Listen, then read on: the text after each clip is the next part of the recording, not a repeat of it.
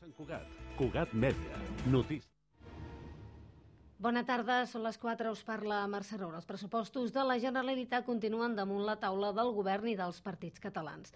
El president Pere Aragonès confia en arribar a un acord ben aviat. El PSC s'hi posa bé i els comuns mantenen com a línia vermella l'ampliació de l'aeroport del Prat, entre d'altres. Ho ha dit a Catalunya Ràdio amb tots, amb alguns anem avançant més, hem entrat ja més en matèria, en d'altres doncs, eh, encara estem doncs, eh, en una fase molt d'anar intercanviant informació, però crec que tindrem pressupostos, sí. Aragonès ha insistit a esgotar la legislatura i que les eleccions es faran al febrer de 2025.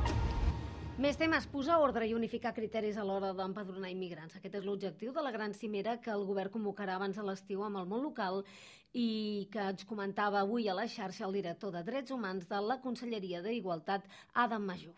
Si tothom ho fa igual, si tothom ho fa igual i tothom ho fa bé, tothom haurà d'empadronar a les persones que efectivament viuen al seu municipi, perquè ningú eh, anirà a empadronar-se al municipi del costat podent-ho fer el propi, seria, és absurd. Per tant, què volem? Posar d'acord els ajuntaments, que no es facin la punyeta uns als altres, que no es treguin eh, persones del damunt i les envien al municipi del costat, com està passant ara, i per tant volem un cert acord entre, entre el món municipal català de fer-ho tots igual i tots igual de bé. I d'aquesta manera, una, no quedarà ningú fora, i segona, evitarem també greuges entre municipis com actualment passa. L'executiu ha rebut queixes sobre la gestió que fan nombrosos ajuntaments, com és el cas de Ripoll, però també d'altres com Badalona, Santa Coloma de Gramenet i l'Hospitalet de, o, i Cornellà de Llobregat, que han estat assenyalats per algunes entitats socials, com hem anat destacant. Més temes, la Fiscalia obre la primera investigació per l'Operació Catalunya. El Ministeri Públic ha demanat documentació als dos mitjans sobre la coneguda com a policia patriòtica de la Policia Nacional en època de Mariano Rajoy. El cos, que hauria investigat diverses personalitats catalanes, entre elles el fiscal en cap eh, Martínez Sol, on s'apuntava els seus vincles amb Unió Democràtica i les comissions gestionades pels advocats d'aquest partit. I notícia d'última hora, els Mossos d'Esquadra i la Policia Nacional Francesa han detingut a França 13 membres de l'organització criminal marsellesa Desa Màfia implicats en un doble homicidi a Salou. La cooperació i la coordinació judicial i judicial, volem dir, internacional durant 8 mesos de la investigació amb reunions i operatives han portat aquest resultat. És tot de moment. Tornem a una hora amb més notícies en xarxa.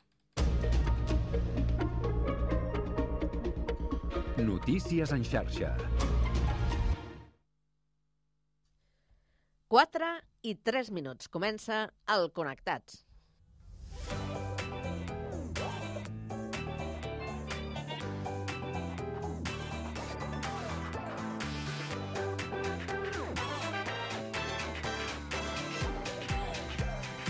Connectats amb Carme Reversa.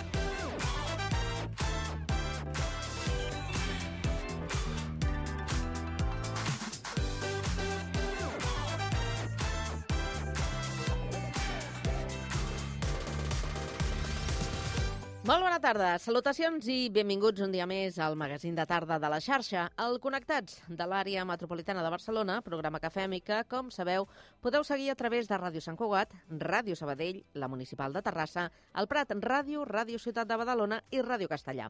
Una salutació de tot l'equip conduït a la part tècnica per Pablo Palenzuela, Sami Fernández a la producció i de qui us parla, Carme Reverte.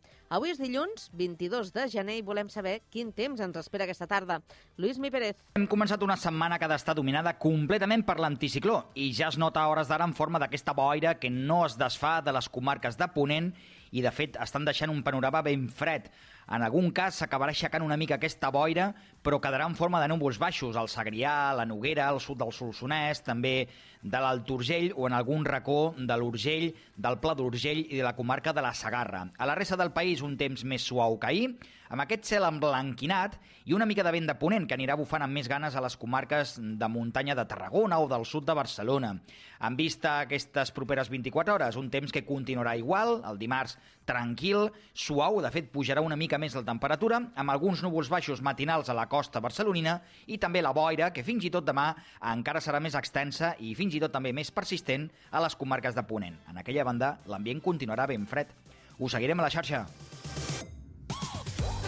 Avui al Connectats parlarem d'estalvi familiar per aquest 2024. Li demanarem consell a l'Elisabet Ruiz Dotres, professora dels Estudis d'Economia i Empresa de la UOC. Acabarem aquesta primera hora amb la tertúlia esportiva dels dilluns per analitzar tot sobre l'última jornada de Lliga de Futbol, el primer títol de la temporada del Barça femení i parlarem també de Fórmula 1. A partir de les 5 coneixerem l'entitat Fundació Acollida i Esperança de la mà de Josep Maria Lluc, director general.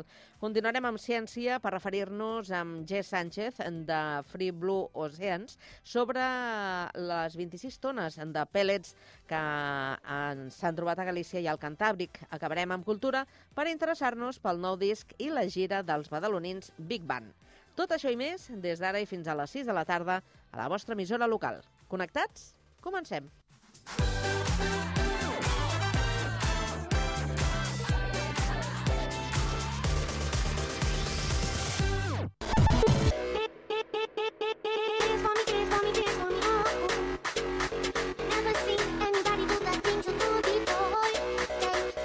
Connectats, una experiència radiofònica a Sabadell, Terrassa, Sant Cugat, El Prat, Castellà i Badalona.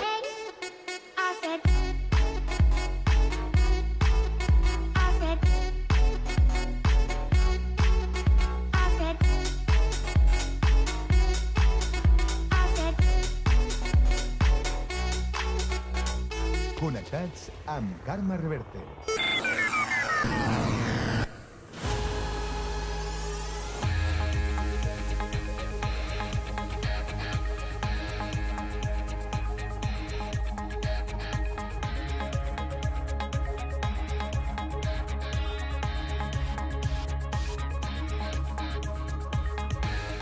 A les 4 i 7 minuts ens actualitzem, ho fem amb la ronda d'actualitat que obrim avui també per Terrassa.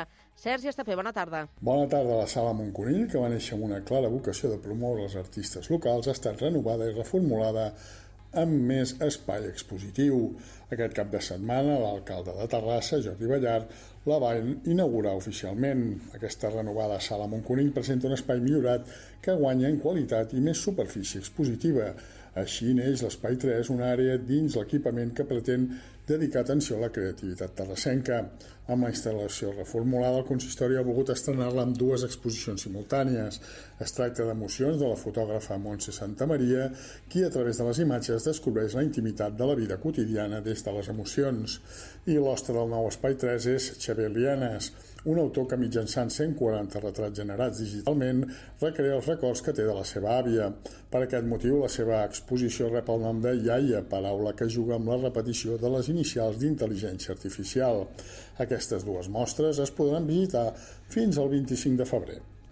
Gràcies, Sergi. I ara seguim des de la Sabadell. Pau Duran, bona tarda. Bona tarda. L'obrera pot ser desallotjada en qualsevol moment i, en conseqüència, els membres d'aquest local ocupat a l'Eixample des del 2015 hauran de mantenir la guàrdia en els pròxims dies, setmanes o fins i tot mesos. És per això que havien demanat tenir almenys una data tancada i saber així quan hi aniria la policia per fer-los fora. El 6 de novembre hi va haver un primer intent. Aquest sí que era amb data tancada i prop de 300 persones es van concentrar a l'Avinguda Barberà per evitar-ho. Finalment ho van aconseguir. I l'ALU, membre de l'Obrera, confia que mentre tinguin el suport de les entitats socials, tenen molt de guanyat. En cuanto a organizaciones, nosotros tenemos el respaldo de todas las organizaciones combativas de la ciudad y tenemos toda la confianza de que en las campañas que hagamos en defensa del espacio vamos a tener al activismo de la ciudad y al conjunto de la ciudad a favor nuestra. Aquest diumenge al vespre hi ha hagut una assemblea informativa per comunicar les últimes novetats judicials i pensar quina estratègia adoptar. Gràcies, Pau. Anem ara fins al litoral des de Badalona. Andrea Romera, bona tarda. Bona tarda, Carme. El projecte de construcció de les cotxeres de l'L1 del metro al Parc de Montigalà, tal com estava redactat, impediria la replantació d'arbres. Així ho ha detallat el govern local, que reitera la seva oposició a l'actual proposta de la Generalitat pels danys que provocaria a un dels pulmons verds de la ciutat. El govern local defensa que la llosa prevista en la construcció de les cotxeres a Montigalà, és a dir, l'estructura que faria de sostre, no tindrà prou profunditat per permetre la replantació d'arbres. També des del PSC Badalona demanen que el gruix de la llosa s'ampli i passi a ser de com a mínim 3 metres, fet que possibilitaria la replantació dels arbres i alhora reduir el desnivell de 8 metres previst en el projecte inicial. L'executiu prepara la primera reunió tècnica amb la Conselleria de Territori, en la qual espera poder incidir cap a un projecte de perllongament de l'L1 més sostenible i respectuós amb el medi ambient, reduint les places d'aparcament previstes i consensuant un model paisatgístic. El regidor de Territori i Sostenibilitat, Daniel Gràcia, ho ha dit a la tertúlia del programa Badalona Matí. No podem acceptar que un parc tan important que ha aconseguit la ciutat, com és el parc de Montigalà, se'n vagi a Norris. Fixa't on arriba el dany que se li farà al parc, que no es poden ni replantar els arbres, perquè la llosa no dona suficientment alçada per replantar els arbres que sortiran d'allà per la construcció de les cotxeres. Recordem que el juliol es va licitar la redacció del projecte constructiu de la primera fase del perllongament de la línia vermella, l'L1, que preveu dues noves estacions, la de Montigalà i la de Lloret de Sant Crist. Gràcies, Andrea. Seguim ara des del Prat de Llobregat. Allà hi tenim Lluís Rodríguez. Bona tarda. Bona tarda. L'atur ha baixat al Prat un 1,6% durant el 2023, segons dades del Consell Comarcal del Baix Llobregat. En aquest sentit, la taxa de desocupació és del 9,2%, lleugerament per sobre de la mitjana comarcal, que és del 8,3%. El més destacat, però, és que les persones aturades de llarga durada, és a dir, aquelles que estan desocupades des de fa ja més de dos anys, representen pràcticament la meitat de la gent que no té feina, un 48,1%. A més, aquest col·lectiu ha augmentat un 5% durant l'últim any. També les dones són les més afectades. El conjunt del Baix Llobregat suposen el 58,2% de les persones sense feina. Gràcies, Lluís. Tornem del litoral fins al Vallès i ara ens quedem a Castellà. Guillem Plans, bona tarda. Bona tarda. La coordinadora de la Marató de TV3 de Castellà va tancar definitivament la setmana passada la recaptació dels diners aconseguits a l'edició de la Marató de TV3 de 2023, en què es va dedicar a la salut sexual i reproductiva. Es van recaptar 6.370 euros, superant així les quantitats obtingudes en les edicions anteriors. Més de 40 establiments i entitats van celebrar actes per recaptar fons a la plaça del Mirador. Gràcies, Guillem, i tancarem aquesta ronda d'actualitat amb la crònica de Sant Cugat que ens porta Marc Castro. Després d'embutxacar-se un Premi Feroz i un Ondas a la millor sèrie com a directora de Cardo, la directora i guionista santcugatenca Clàudia Costafreda torna a encarar un repte produït per Javier Calvo i Javier Ambrosi, Los Javis. Ho fa com una de les directores de Superstar, una ficció creada per Nacho Vigalondo, que s'endinsarà en els inicis de la cantant Llorena, més coneguda com a Tamara. La santcugatenca compartirà direcció amb Vigalondo en els sis capítols que dura la sèrie, que mostra el fenomen en què es va convertir la cantant a l'inici de la dècada dels 2000 i que es podrà veure a Netflix. L'èxit de les últimes produccions de Javier Calvo i Javier Ambrosi amb la Messias com a últim fenomen provoca que cada nova història que porten a la pantalla generi expectatives. Escoltem Costa Freda. Jo crec que hi ha expectatives perquè al final la Llorena, la Tamara i tot el que la va envoltar en el seu moment eh, ha sigut molt icònic i, i també pues, perquè és veritat que sent els Javis els que estan darrere eh, això sempre genera expectatives com tu dius, pues, han tingut, han fet coses increïbles i, i al final eh, la gent espera que, que el següent estigui al nivell Costa Freda ja fa uns anys que treballa a Suma Content, la productora dels Cavis. L'any passat va participar en Vestides de Azul, la segona part de la sèrie de la Veneno, i va arribar-li la proposta de codirigir la creació de Vigalondo. La sèrie, de moment, es troba en procés de producció i encara no s'ha començat a rodar.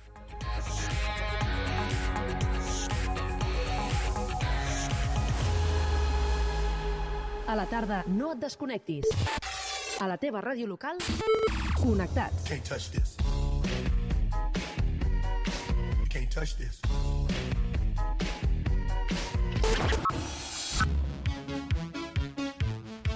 Can't touch this.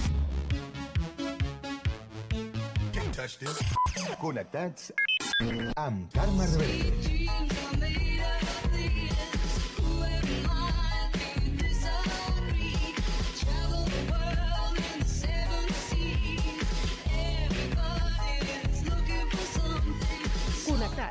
Una experiència radiofònica a Sabadell, Terrassa, Sant Cugat, El Prat, Castellà i Badalona.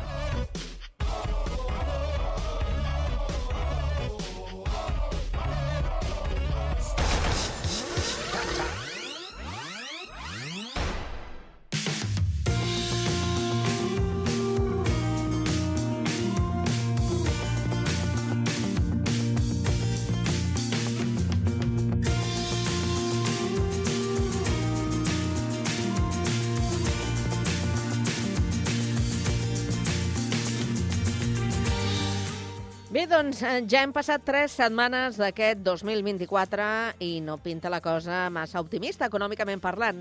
Amb els preus, la inflació i els conflictes exi- existents, no sembla que hi hagi gaire marge per estalviar uns calarons. O potser sí.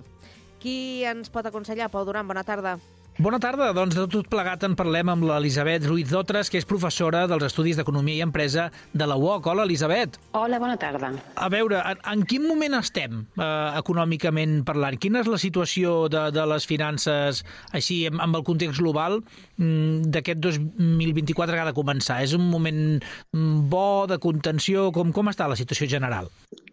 A veure, estem en un moment complicat, en un moment també d'expectativa on tenim doncs, la inflació més controlada, però els tipus d'interès encara estan molt alts i més amb la rapidesa doncs, que han pujat. Això no ha tingut temps de que a nivell de sou es regularitzés, però en canvi a nivell de pagament sí, dels preus de la cistella de compra han pujat, els tipus d'interès de la hipoteca, les quotes d'hipoteca que s'han de han pujat i al mateix temps doncs, la capacitat d'estalvi de les famílies s'ha reduït i no només això, sinó que a més a més doncs, tampoc la, a la gent li agrada massa estalviar i el nivell d'estalvi ha baixat moltíssim. De fet, doncs a final d'any eh, havíem arribat a nivells preocupants de només un 6% de, de capacitat d'estalvi de la renta disponible i això és molt poc. Això és menys de, de la meitat de l'any passat, no? Uh, no, l'any passat estàvem en un 8%. Ah, d'acord. Eh, però igualment, en realitat, uh, en realitat els, els nivells d'estalvi ideals haurien d'estar al voltant del 20%. 20. Per tant, del 6 al 20 sí que hi ha un bon tros. Sí, els nivells d'estalvi hauríem d'estar al 20%. L'ideal hauríem d'estalviar sempre un 20% del, del nostre ingrés net per anar bé. Per no tenir problemes i tenir salut financera i tenir unes finances sanejades i, i no tenir disgustos, hauríem d'estalviar el 20%. Tu, de fet, proposes vuit consells per intentar assolir aquest estalvi. Et sembla que els anem repassant? Els he proposat aquest any en, en cinc una mica diferents. Ah, vinga, no, doncs. Per estalviar, el... perquè són coses diferents. Va, doncs jo aniré fent el, el descart. Digue'm el primer, primer Vinga. consell per estalviar. Eh, doncs mira, cinc consells per, més que per estalviar, per tenir una economia sanejada. Sanejada. No? Per disgustos, per no tenir problemes ni preocupacions, perquè, de fet, mira, la falta de diner és la primera causa d'estrès entre les persones, una de les primeres causes, segons l'Associació Americana de Psicologia. Per tant, això ens dona preocupació, molta ansietat, i, i l'estrès ja sabem que no és bo per la salut. Per tant, jo proposo cinc consells. El primer de tots és fer un pressupost de, de les despeses i per fer un pressupost, per, veure, per saber com volem gastar els diners al, aquest any 24, el que hem de fer és una revisió de com els hem gastat l'any passat per no tenir els mateixos comportaments. I en aquí, doncs, què ens n'adonarem? Ens n'adonarem que hi ha despeses d'aquelles que jo li dic invisibles, que són subscripcions que vam fer ja fa temps eh, i que potser no les fem servir, que són molt petites, per exemple, un gimnàs que hi hem anat molt poc, o alguna subscripció a alguna aplicació, alguna revista, i que anem pagant eh, més a més i que al final, al cap de l'any, doncs, són diners i que potser doncs, no s'ajusten a la nostra economia. Després, al mateix temps, si fem aquesta revisió, veurem també que hi ha despeses que potser tenim en accés, que la nostra, els nostres ingressos, la nostra situació real, financera, doncs no ens permet, perquè si no estem estirant més el braç que la màniga, no? i aquí sobretot doncs veurem que potser massa al restaurant, que mengem massa, que comprem massa menjar fora, que potser consumim massa amb taxis. Bueno, veurem cada, cada persona com, que, qui nos enfada els seus diners que al final costen tant de guanyar. I això també ens donarà molt més control. Llavors aquí em porta el segon consell. Un, segon, un segon, Elisabet. És el abans de passar al segon, abans de passar al segon, que Sí. tinc moltes preguntes. Sí. A veure, Vale. quan dius revisar el, és a dir, el, el que és l'any passat, sí. eh, de quina manera ens proposes que agafem l'any passat en les nostres despeses i el revisem? És a dir, totes les despeses de l'any les traiem d'alguna banda? Com proposes que ho fem, això? Exacte. Doncs podem entrar a la nostra banca online i baixar-nos un Excel o un document, el deixa baixar de diferents formes, de totes les despeses que hem tingut durant l'any passat. Això en realitat l'ideal seria poder-ho fer més a més a partir d'ara, anar controlant i és molt més sistemàtic i molt més ràpid un cop ho has fet la primera vegada. Clar. La primera vegada sempre hi ha un cost d'entrada, perquè com que no ho hem fet mai, doncs serà molta feina podem fer mica en mica, no cal que ho fem en un dia ni en una setmana, ens podem donar de temps, un mes, eh, dos mesos, per anar revisant tot el que ha passat l'any passat i anar-ho classificant.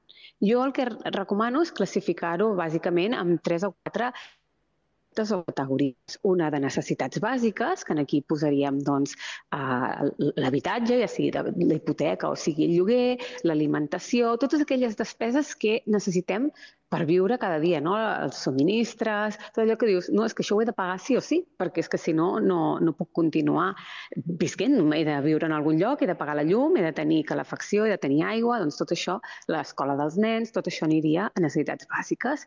Després, una altra categoria seria, doncs, podem agrupar-ho entre oci, personal, educació, no? En aquí, doncs, diríem, vale, doncs, eh, posem tot allò, si fem, anem al restaurant, si anem al teatre, si anem al cine, si comprem llibres, llibres, si fem cursos, eh, si fem algun viatge, tot això ens aniria a personal, que és un bloc en aquí que pot fer de més i de menys, perquè al final eh, hem de tenir en compte precisament que ens hem de gastar el que la nostra situació econòmica ens permeti gastar. No? I, i ja veurem doncs, al llarg d'aquests cinc consells que al final aquí tot queda molt quadrat.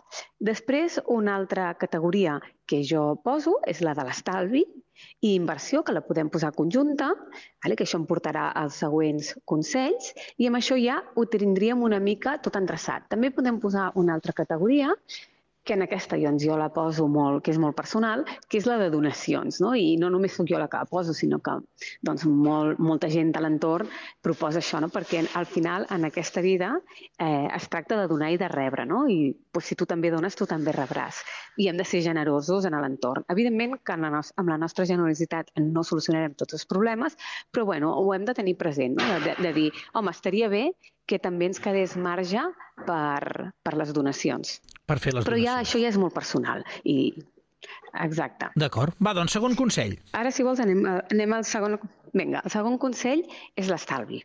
Vale? Hem d'estalviar, ja sigui per crear un fons d'emergència, per una situació crítica que es pugui donar, o bé, doncs, ja sigui perquè volem comprar coses eh, en el futur, mm, vulguem fer alguna cosa en especial, ens vulguem comprar una casa o vulguem comprar un cotxe i també per altres despeses que es puguin donar doncs, puntualment al llarg de l'any, perquè al final al cap de l'any sempre passen coses. S'ha espatllat la calefacció, volem, necessitem un ordinador nou, sempre passen coses, no? El fill necessita una ortodòncia, doncs això suposa que ho hem d'anar estalviant al, al llarg de l'any. I també doncs, tenir aquests estalvis, al final el que ens ajuda és precisament a tenir menys preocupació pel diner no? i estressar-nos molt menys i tenir més tranquil·litat. Ens dona molta tranquil·litat i seguretat poder estalviar. D'acord. I això em porta al tercer consell. Vale? Perquè eh, el tercer consell és no només hem d'estalviar, sinó que dels diners que estalviem, que jo recomano que sigui un 20%, i que en general doncs, és el que a tothom del sector que se li pregunti doncs, hauríem d'estar estalviant al voltant d'un 20% per anar bé. Una part és un estalvi doncs, precisament per, per emergències i per pagaments que haguem de fer imprevistos que hi puguin haver-hi al llarg de l'any i una altra part l'hem d'invertir. Per què? Doncs perquè estem estalviant per la nostra jubilació, estem estalviant per al llarg termini. I quan, si no fem res, doncs ja hem vist que amb, amb l'increment de preus que hi ha, que anem al supermercat i ens costa molt més el que compràvem abans, perquè hi ha una pujada de preus, doncs si no fem res el nostre diner perd valor. Al cap de 10, 15, 20 anys, els diners que hem estalviat, si no els invertim, perden valor. I en aquí, doncs realment els hem d'invertir, hem de pensar en invertir aquests diners. Vale? Això és molt important. Però, que em porta al següent però, consell. Elisabet, invertir en què? Perquè, clar, borses, tot això, potser cal un coneixement una mica més destre, no? Bueno, això em porta una mica al següent consell, que és el de l'educació financera, el d'educar-se financerament, però jo no parlo d'invertir en accions, ni molt menys, perquè precisament si tu el que estàs invertint per tenir uns diners per a la teva jubilació i perquè el teu capital creixi, les accions són bastant arriscades. El que hem de pensar són en fons d'inversió, en una cartera doncs, que, es pugui, que sigui una cartera una mica tranquil·leta, pensada de cara a la jubilació i que hi hagi fons d'inversió. El problema amb els fons d'inversió, que n'hi ha de diferents tipus, eh, de renta fixa, de renta eh, variable, mixtos, eh, n'hi ha de monetaris, què passa? Que els fons d'inversió han tingut molt mala fama perquè s'han venut a través d'entitats financeres. I l'entitat financera el que et ven és el producte que et vol col·locar. Llavors et vendrà els seus fons d'inversió. De gestores que tenen fons d'inversió n'hi ha moltíssimes, hi ha milers de fons d'inversió en el món perquè avui en dia ja tenim accés a fons d'inversió a nivell internacional a través de la nostra entitat financera d'aquí, eh? No cal que tinguem un compte a l'estranger. Llavors, han tingut molt mala fama perquè precisament s'han vengut a través d'entitats. I mira, jo poso un exemple molt fàcil, que és, mira, és com si tu em diguessis és que jo vull un cotxe i a mi els SEAT no m'agraden i clar, quan jo vaig al concessionari a mi només em venen SEAT i, i a mi el SEAT doncs no m'agrada. Imaginem que és un SEAT que, que és un SEAT antic, que no t'agrada, que no hi ha nous models. Per posar un exemple local d'aquí, eh? no, no vull dir que els SEAT siguin dolents, però tu vols un altre tipus de cotxe. Llavors, clar, jo et diria, home, però és que hi ha altres cotxes en el mercat. Tu pots comprar un Peugeot, un Citroën, un Mercedes, un BMW, dius, ah, però és que jo aquests no els conec, no els he vist mai. És bueno que no els hagis vist, no els coneixes, no vol dir que no hi siguin en el mercat. Però clar, si tu vas a la SEAT, a tu et vendran SEAT. Doncs si tu vas al banc, et vendran els seus productes, no te'n vendran un altre. I si no tenim educació financera, que és el que és el següent consell, doncs si no tenim educació financera ens vendran el que hagi de vendre el banc, el que li toqui vendre, perquè al final el banc no és més que un comercial.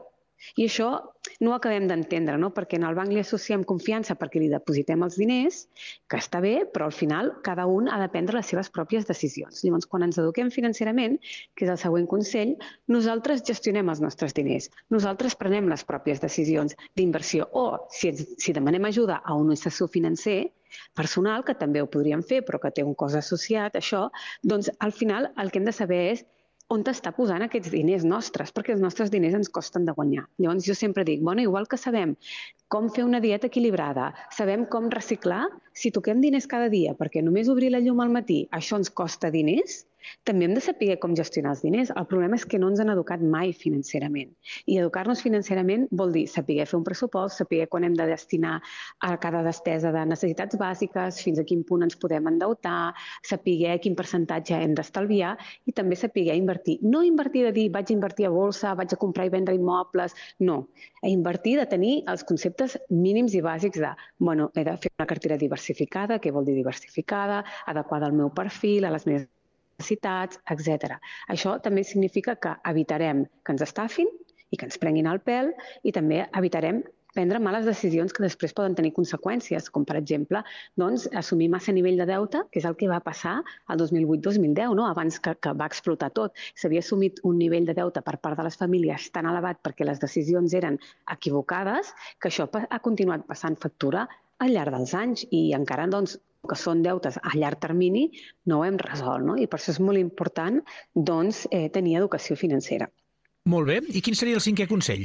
El cinquè consell és que tinguem uns objectius financers, perquè al final, quan decidim estalviar un 20% de la nostra renta disponible, què passarà? Que ens n'adonarem, al, al fer el detall de despeses, com hem gastat els diners i tot plegat, doncs que haurem de renunciar a algunes coses probablement, perquè si som dels que no arribem a final de mes o arribem molt justos o estalviem poc o, o, o pràcticament gens, doncs veurem que haurem de renunciar per adequar-nos a la nostra situació financera real.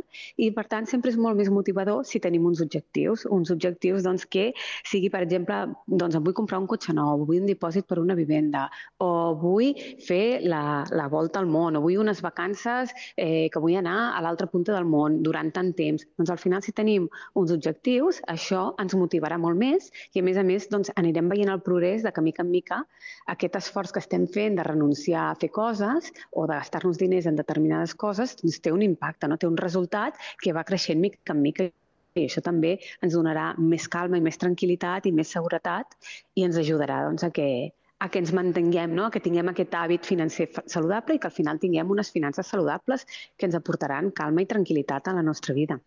Un dels problemes que tinc quan miro de, de veure quines despeses podria suprimir, Elisabet, és que una mica vaig per la bèstia grossa. No? O sigui, coses de 5 i 10 euros no me les miro i vaig buscant a veure quina cosa grossa em podria treure. Bueno, el que hem de fer aquí és mirar-ho tot. Quan revisem les despeses, el que veurem és com estan distribuïdes. No? Llavors, en aquí, bàsicament, si traiem un 20% dels estalvis, ens queda només un 80%. I un 80% què vol dir? Que una part són necessitats bàsiques, que haurien d'estar al voltant d'uns entre un 50 i un 60%. Jo aconsello un 55% i que allò que es passa del 55 ja estem anant molt justos. I després el percentatge que ens queda del, del 25, doncs en aquest cas hauria d'anar al, el que hem dit de despeses d'oci, de personal i educació. I en aquí, en petit o gran, haurem d'ajustar-nos en aquest percentatge. Al final és molt personal, perquè al final és tu en què et vols gastar aquest 25% que et queda? Prefereixes doncs, anar a un restaurant, amb restaurants que, que siguin cars? Llavors veuràs que, per exemple, potser només ho pots fer un cop al mes o dos cops al mes. O prefereixes doncs, anar uh, moltes vegades al restaurant perquè tu prioritzes anar molts cops al restaurant? Doncs llavors potser pots anar més cops al restaurant però gastar-te menys en cada restaurant. I aquí hauràs de veure quin pressupost et queda i això ens permet viure dintre de les nostres possibilitats. Una altra manera que també a mi no m'agrada només focalitzar-me en les despeses. Eh, penso, al final aquesta és la teva realitat financera. Si, fent aquest treball de seguir aquests cinc consells, el que t'aporta és a dir, bueno, jo prenc consciència de quina és la meva situació i, per tant, si jo no vull renunciar a coses, l'altra part de l'equació és incrementar els ingressos. I, per tant, he de buscar maneres d'incrementar els ingressos. O em busco una altra feina que em pagui més o faig feines addicionals que em puguin generar un ingrés addicional. En aquí, al final, l'equació és molt fàcil. Ingrés és igual a despesa més estalvi. L'estalvi ha de suposar un 20% i a partir d'aquí, amb l'altre 80, l'hem de treballar d'aquesta manera. Ha quedat Perquè claríssim. si no, no estem assumint la nostra realitat. Elisabet Ruiz Dotres, professora dels Estudis d'Economia i Empresa de la UOC. Gràcies per atendre la trucada del Connectats. Gràcies a vosaltres.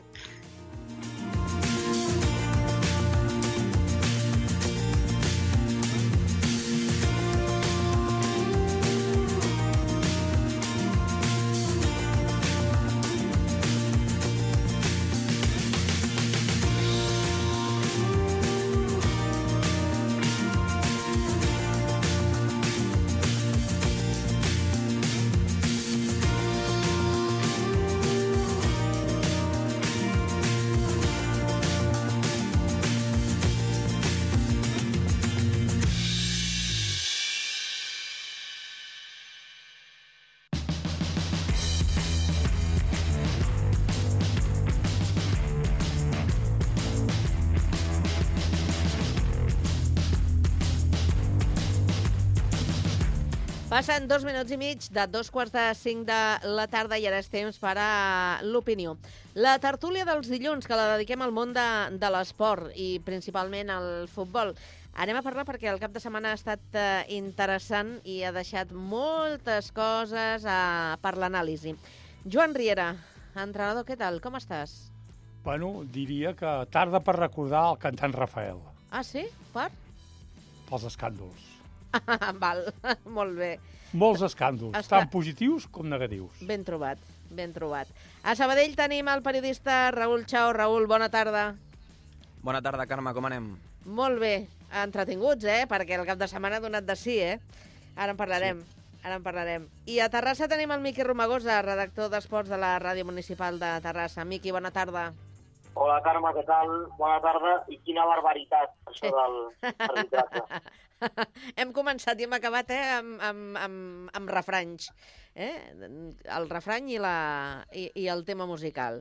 L'escàndol i la barbaritat. Eh, la veritat és que eh, jo, jo me'n faig creus de, de veure com ens compliquem tant la vida. No, bueno, no nosaltres, sinó els que s'hi posen a, a fer les tasques que, que han de fer en l'arbitratge de, dels partits amb una eina com el VAR, que se suposa que ha vingut a facilitar eh, l'arbitratge de, dels partits i ens n'adonem que cada vegada eh, això és més complicat, eh? I que, a més a més, és manipulable. Fantàstic, eh? Quina bona, quina bona eina. Quina bona eina. Vaja, que començarem parlant del Madrid. En poques paraules, què us va semblar el que va passar? Ja no, ja no només al partit, sinó eh, del que se'n parla avui a tot arreu. Quina Jo crec que... Digues, Raül. Quan van crear el VAR per, per ajudar els àrbitres, jo crec que tothom considerava que era una bona eina per, per, per ajudar-los. Però estem al 2024 i ara jo crec que és una eina totalment que està mal utilitzada, sobretot per culpa dels àrbitres. Uh, ahir l'àrbitre es pot equivocar, però qui no es pot equivocar és l'àrbitre que està al VAR. Uh, Hernández Hernández, que era l'àrbitre que estava al VAR, en la primera ocasió, en la primera errada greu, és quan tu xiules, tu, quan tu ensenyes una fotografia a l'àrbitre de les mans de, del jugador de l'Almeria, l'àrbitre xiula mm, penal perquè és, a dir, és el que li ensenyes. Si tu no li ensenyes la, la jugada sencera, on hi ha la falta de Rudiger, que és bastant clara, uh, estàs manipulant, perquè estàs manipulant l'àrbitre que està arbitrant el partit. Mm. Mm. Aleshores, estàs tu arbitrant i no l'àrbitre que està al partit. Aleshores, per mi això és vergonyós. Després de la, les mans de, de Vinícius, uh, és una jugada que per mi, per mi són mans, però és que hi ha càmeres que sembla que no és mà i altres que sí. Aleshores, si l'àrbitre considera que és mà, per què, per què entra al bar si és una jugada gris on hi ha càmeres que sí i unes càmeres que no? I per què a la jugada que ensenyes a l'àrbitre uh, no li ensenyes totes les tomes, li ensenyes dues? És que aleshores també estàs manipulant. Sí. I després de la, la jugada de la falta de, de Bellingham, per mi, per mi en el futbol que jo entenc, en el meu futbol, per mi no és falta. Però si és, en aquest futbol d'actualitat és falta. Però, però bueno, jo crec que eh, qui surt perdent és el futbol espanyol perquè l'escàndol de, de nivell arbitral que hi ha a primera divisió, imagina't a primera o a segona federació, perquè a nosaltres aquest cap de setmana a Sabadell també també tela. Sí? Què ha passat? Bueno, ens van marcar un gol amb la mà. És a dir, el futbol... Era la mà de Déu, era la mà de Déu, no? Com la de... Maratonitis. Però bueno. i, a, i, a sobre, I a sobre el rival es diu Delta Fortuna, doncs imagina't. No? Ah, amigo. També està ben trobat, eh? Està el cas, eh? El, Sí, sí, el molt bé, Miqui.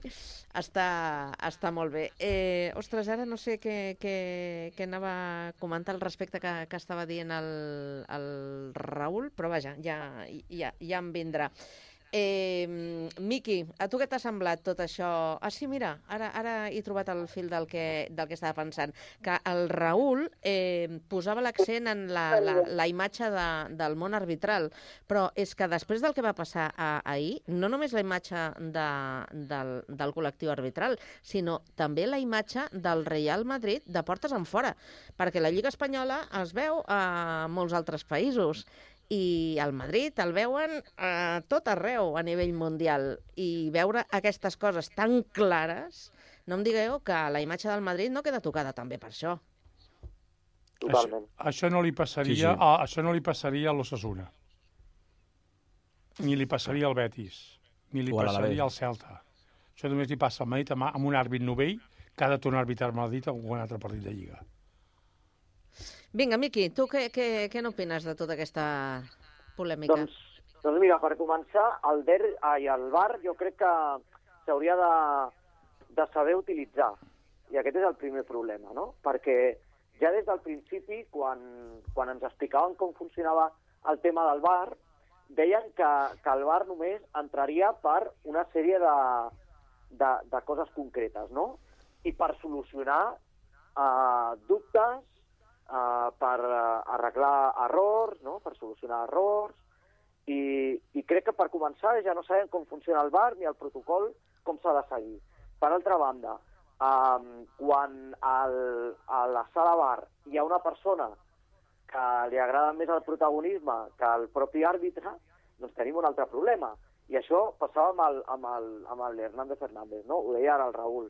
Uh, és que pràcticament, o sigui, el protocol del bar diu que l'àrbitre, o sigui, que el, el, la persona que està al bar li ha de dir a l'àrbitre doncs que, que revisi una jugada perquè hi ha un error en la descripció de la jugada.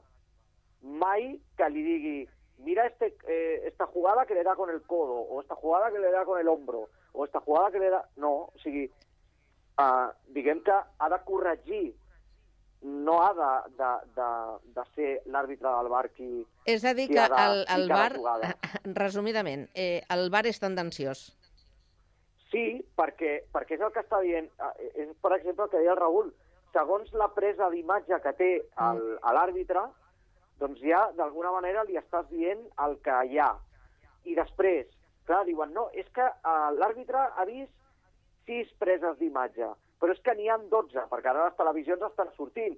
Jo crec que fins i tot uh, sortirà Vinícius en avió, o sigui, també, o sigui, que és que arriba un punt que, que tot això s'ha convertit en un espectacle més. I quan es parla més de, de, del que no és l'espectacle i no es parla de futbol, sinó de coses com aquestes, ja vam comentar la setmana passada i no hi havia tot aquest escàndol, no? Doncs imagina't.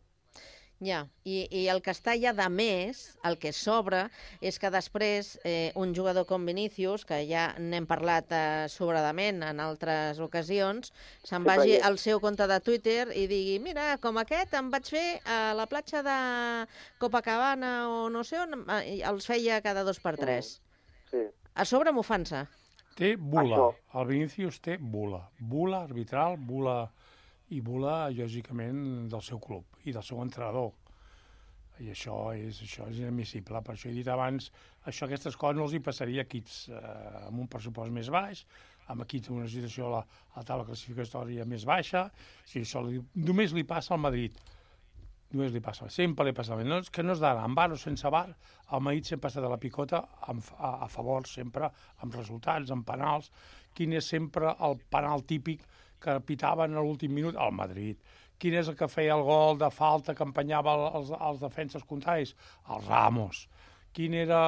En fi, Bueno, ahir també va fer algunes, eh? Sí. El, el Ramos, eh, si vau veure el partit. Eh, però després, a més a més d'aquestes jugades polèmiques i per la intervenció de, del VAR, jo no vaig veure el partit, eh?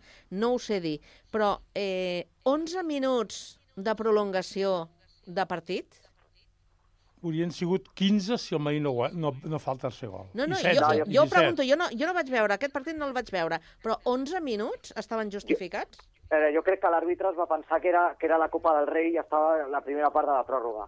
No, però, però jo, jo crec que la veritat és que mm, estem, amb el tema de l'afegit també s'ha de posar un... s'ha de fer una reflexió, eh? perquè a vegades 9, 8, 11 minuts i després veus partits on de veritat han passat coses on s'han d'afegir. Sí. O sigui, jo crec que eh, està molt bé això ara, perquè ara s'ha posat, diguem que, que, que, que un valor, no? Eh, abans era 30 segons per canvi, no? Eh, clar, ara és allò que dius, eh, ara es fan 10 canvis, en teoria es poden fer 10 canvis, vale? doncs 5 minuts d'afegit, vale, perfecte, molt bé. Però és que mm, ara també es diu, no, és que cada gol és mig minut més per al que triguen en la celebració. No, és que cada eh, estona que, que hi ha un jugador al pes és tal.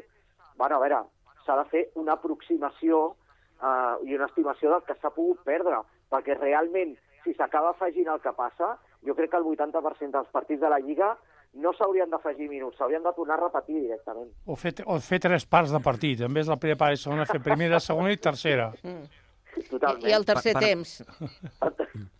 Per, per mi el problema, Carme, és que... Donaríem positiu per doping, eh, al tercer temps. Ja, digues, Raül. Per mi, Carme, el, el problema és que quan l'àrbitre d'entrar al bar, per mi seria el moment que s'hauria de parar el, el cronòmetre i en aquests moments l'àrbitre que tingui el minut o el minut i mig o dos minuts per poder veure la, les imatges tranquil·lament. El que no pot ser és que si ha d'entrar tres vegades i es perdin 10 minuts per, per això. Aleshores, això jo crec que és necessari que aquests minuts de bar es posin a, a l'afegit, perquè és que si no, al final, eh, els 90 minuts de partit s'acaben sent 45 o 50. Aleshores, si tu pagues una entrada, tu pagues una entrada per veure futbol, no per, per estar veient el show arbitral que, que estem veient en aquestes jornades. Aleshores, per mi, jo crec que és una de les coses que sempre ha dit Xavi, jo crec que està posant punts sobre les sis no? en algunes coses, però jo crec que quan entra al bar, per mi és el moment que, que el cronòmetre s'hauria d'aturar i perquè després posi l'afegit que sigui, és a dir, si has marcat un gol, si hi ha hagut una expulsió, no sé què, doncs això sí que s'ha d'afegir correctament, com sempre, però al moment bar, per mi seria el moment de parar el cronòmetre i ja està. Hi ha esports on s'atura el cronòmetre. Vam parlar de, del hockey, no, per sala. exemple, o altres esports que, que s'atura el cronòmetre. I això seria també un toc d'atenció per, per molts equips quan, quan aturen el rellotge sense, sense sentit, no? Perquè això fins i tot, mira, és l'àrbitre no? que decideix anar al bar, no? Però jo crec que fins i tot això del bar ho vam parlar la setmana passada, no? Allò de, de tenir unes opcions d'anar al bar i que no s'hagi utilitzat, perquè si no, a vegades, en un partit es pot anar 20 vegades al bar. Mm. Eh, us pregunto molt ràpidament, eh, penseu que a partir d'ara i després del que ha passat eh, en aquest partit eh, entre el Madrid i l'Almeria, eh, hi haurà algun punt d'inflexió? Canviarà alguna cosa? Algú prendrà mesures? Jo crec que el que canviarà serà que expulsaran un grapat de jugadors de l'Almeria. Per comentaris. Una altra vegada, ja tornem a estar amb el mateix. L'equip, l'equip, el no Madrid sempre rep, el Madrid sempre surt beneficiat. I ja està, ens Carme, quedarem aquí. Sí. Digues, Raül. Recordem que l'any passat eh, el Bar va, va ser clau en el, la lluita pel descens perquè el Bar va baixar l'Espanyol. Recordem la- l'escàndol de, de, Mas- de Mestalla i el dia de l'Espanyol Atlético Madrid que va anul·lar a que el Pacheco para un gol i Griezmann l'anulen i, bueno, un tema bar que és un bastant escàndol. Sí. I aleshores, si no sabem utilitzar el bar, per què el volem? I si això va passar l'any passat i encara no ha succeït res, més tot el que ha passat amb el cas Negreira, més el, del, lo de Real Madrid Televisió, és a dir, que Real Madrid Televisió Mm. uh, utilitzi els àrbitres per fer-los un vídeo cada, cada partit, que per mi això hauria de ser sancionable. I tant. Uh, anem, a, anem afegint, afegint, afegint, afegint, afegint, afegint. Ha passat alguna cosa? No. I, Passarà? a, I no. aquesta és una altra, eh? El paper de Real Madrid Televisió. Eh, estem en les mateixes que quan els jugadors fan declaracions, eh? Perquè això Sí, és sí. una, sotmetre a pressió a, a, als àrbitres. És una declaració encoberta d'un equip. Tal qual. És que és tal qual. És, utilitz, és utilitzar un mitjà comunicatiu No per equip- fer jo- força no- per un missatge. No és d'un equip, és d'una entitat. O d'una entitat, sí. D'una entitat que eh, jo ho englobo Sí, tot. sí. Una entitat mafiosa. Mafiosa perquè ho té tot controlat. Que, Ai. Un equip no ho té tot controlat. Un equip té que lluitar contra el bar, contra l'àrbit i, i contra el seu pressupost, però el Madrid no, el Madrid no. No, però és que no, no és l'entitat o el club qui és- ho té és- controlat, és una persona qui ho poder, controla. sí, ja està. senyor És que Florentino és, Pérez. És, és així. Ho té tot molt controlat. Vinga, canviem de, de partit, eh? Canviem de partit, no canviem de- de- d'esport de, i anem al que sembla que va eh, pas ferm mm, de cara a, a aconseguir, qui sap, eh? Però jo continuo, continuo apostant eh, pel Girona aquesta temporada. Veurem, no sé si és d'aquí tres setmanes o així que s'enfronten amb el Madrid, que visita el Santiago Bernabéu. Veurem en aquest moment, en funció de com arribin els dos equips, què passa. Què passa en aquell partit, eh? Tindré ganes de veure'l. És que portem setmanes setmanes de dient, ostres, a veure si, quan caurà el Girona, quan caurà el Girona, a veure si la Copa li afecta no sé què. Està a quarts de finals de la Copa, a primer líder de la Lliga, ficant-li 5 al Sevilla, Uh, aquest Girona és una passada increïble. Té 18-19 jugadors de, de nivell altíssim, Mm. però nivell altíssim construït per, per un senyor que és el millor entrenador del món i es diu Mitchell. Uh, Porto, Porto era suplent, suplent del Getafe. Uh, Estuani va ser renegat de, de la Premier, de l'Espanyol. David López igual, Ángel Herrera igual. Uh, Savinho, qui coneixia Savinho? Qui coneixia Shigankov? Qui coneixia Dovic? Uh, Dovic fàcilment aquest estiu a qualsevol club pioner i top del món pagarà 60-70 milions d'euros per Dovic. Aquest és el problema.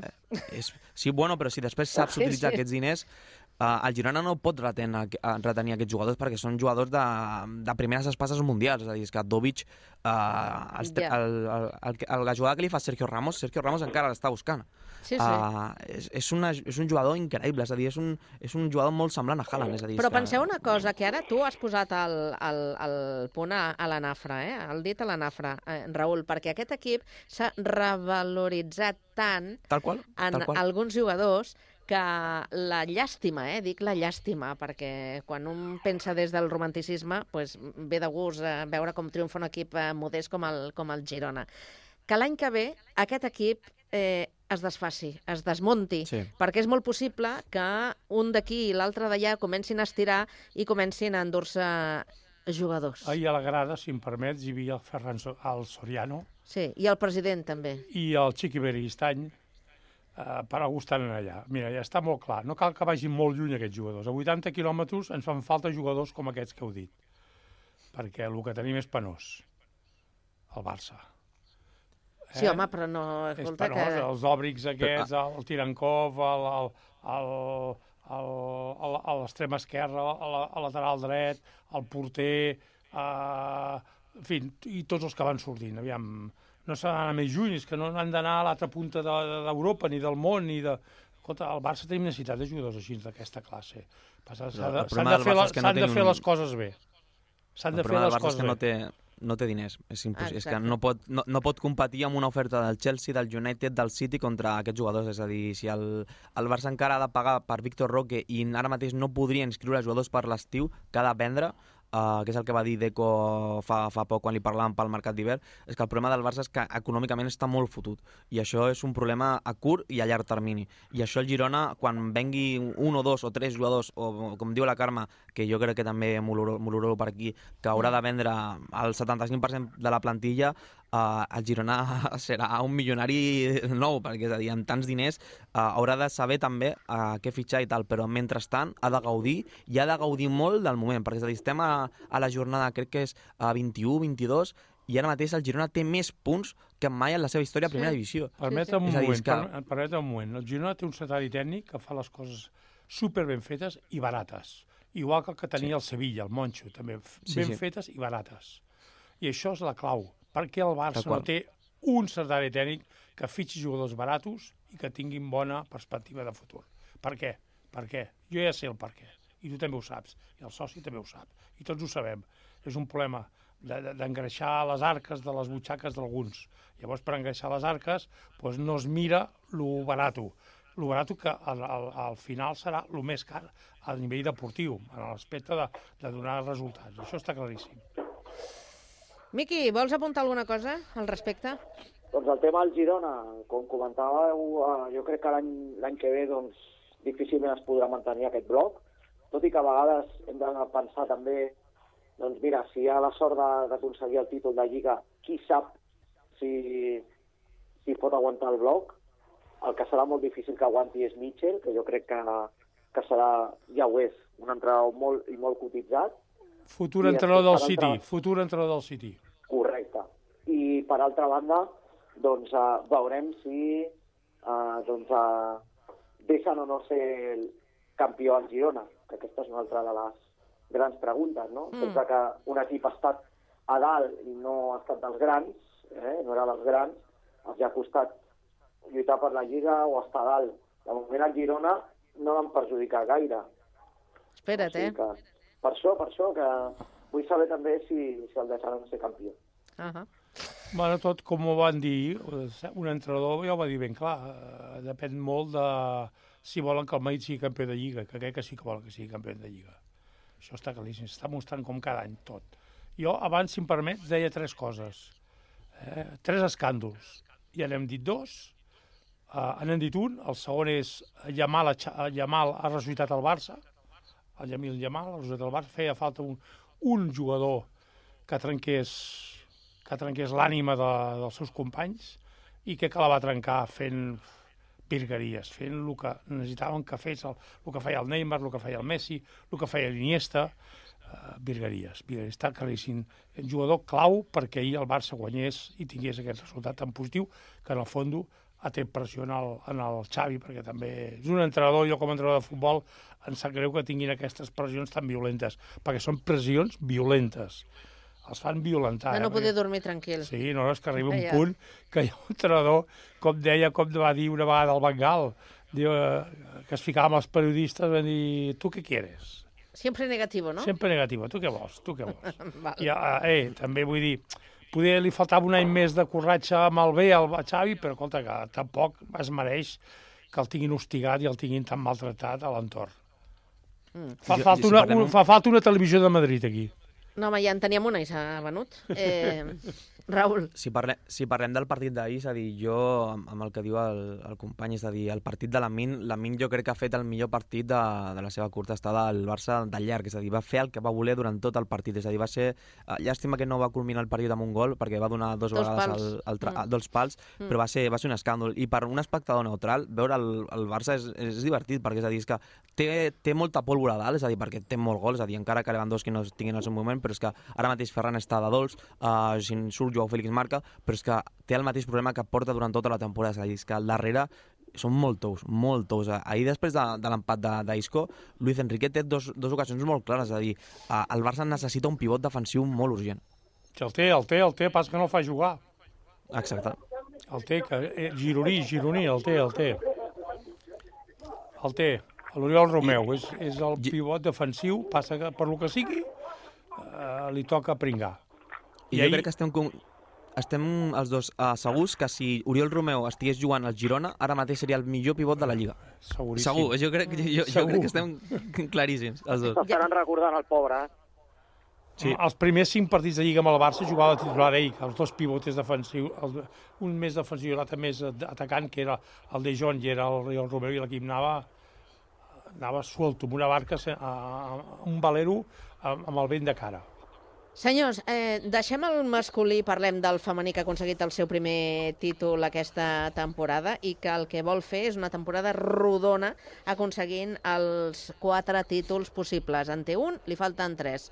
Copa, Lliga i Champions. I, Jo crec- I, i, i, i serà La- possible. La notícia seria si el Barça no fa aquest, aquest 4 de 4, perquè és a dir, la superioritat que té a la Lliga Espanyola és, és un escàndol. És a dir, tu veus el partit i si en Sí. comptes de, de 7-0 acaben 12-0, és que mm, no, no, no ens estranyaria, és que veure jugar Salma, Hansen, Aitana, uh, Patrick, uh, etc etc i a més que tenen Alexia lesionada. Uh, és, és, T'has és és deixat la Mariona. La Mapi també està la Mariona, lesionada. la Mariona, sí, la Mapi, és a dir, és que, i a més, uh, Irene Paredes, que ju- va jugar 45 minuts perquè encara està recuperant-se, bueno, és a dir, que està en procés de, per recuperar-se de la Alex, lesió. Alexia, uh, la Mapi, la Rolfo, tres titulars indiscutibles sí. que no juguen, eh? I mira quan juguin. Clar, Jo crec que- El... Digues. perdó, perdó. Vinga, Raül i, i Miqui. No, no digues Miqui, digues Miqui. No, no, jo, jo, no, jo és molt ràpid. Eh? Jo crec que en, en, en el futbol femení ara mateix hi ha, hi ha dos, dos interrogants. És si el Barça sumarà, com tu deies, Raül, el 4 de 4 i fins quan durarà Toril a la banqueta del Madrid. Quedarà a la casa, quedarà a la casa igualment, eh? Sí, per Quedarà. això, per això, no, no, si ell seguirà. O sigui, jo dic això perquè ell quan va renovar, eh, doncs el seu contracte diu que, que, que no tan sols eh, renovava com a entrenador del femení, sinó per altres altres tasques. Jo crec que aquí sí. ja estaven començant a obrir, com a mínim, la sortida d'emergència. Jo, si em permets, em sap molt greu el que passarà al futbol espanyol, al futbol femení espanyol la temporada que ve als equips de primera divisió. Per exemple, el Levant el destruiran. No, el pressupost se'ls va a la meitat. Bé, doncs no ens queda més temps.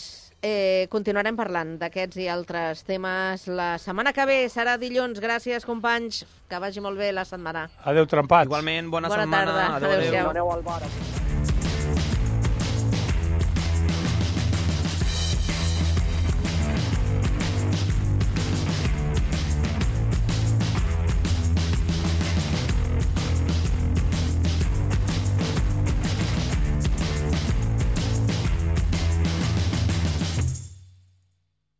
La banda sonora de la teva vida a Ràdio Sant Cugat.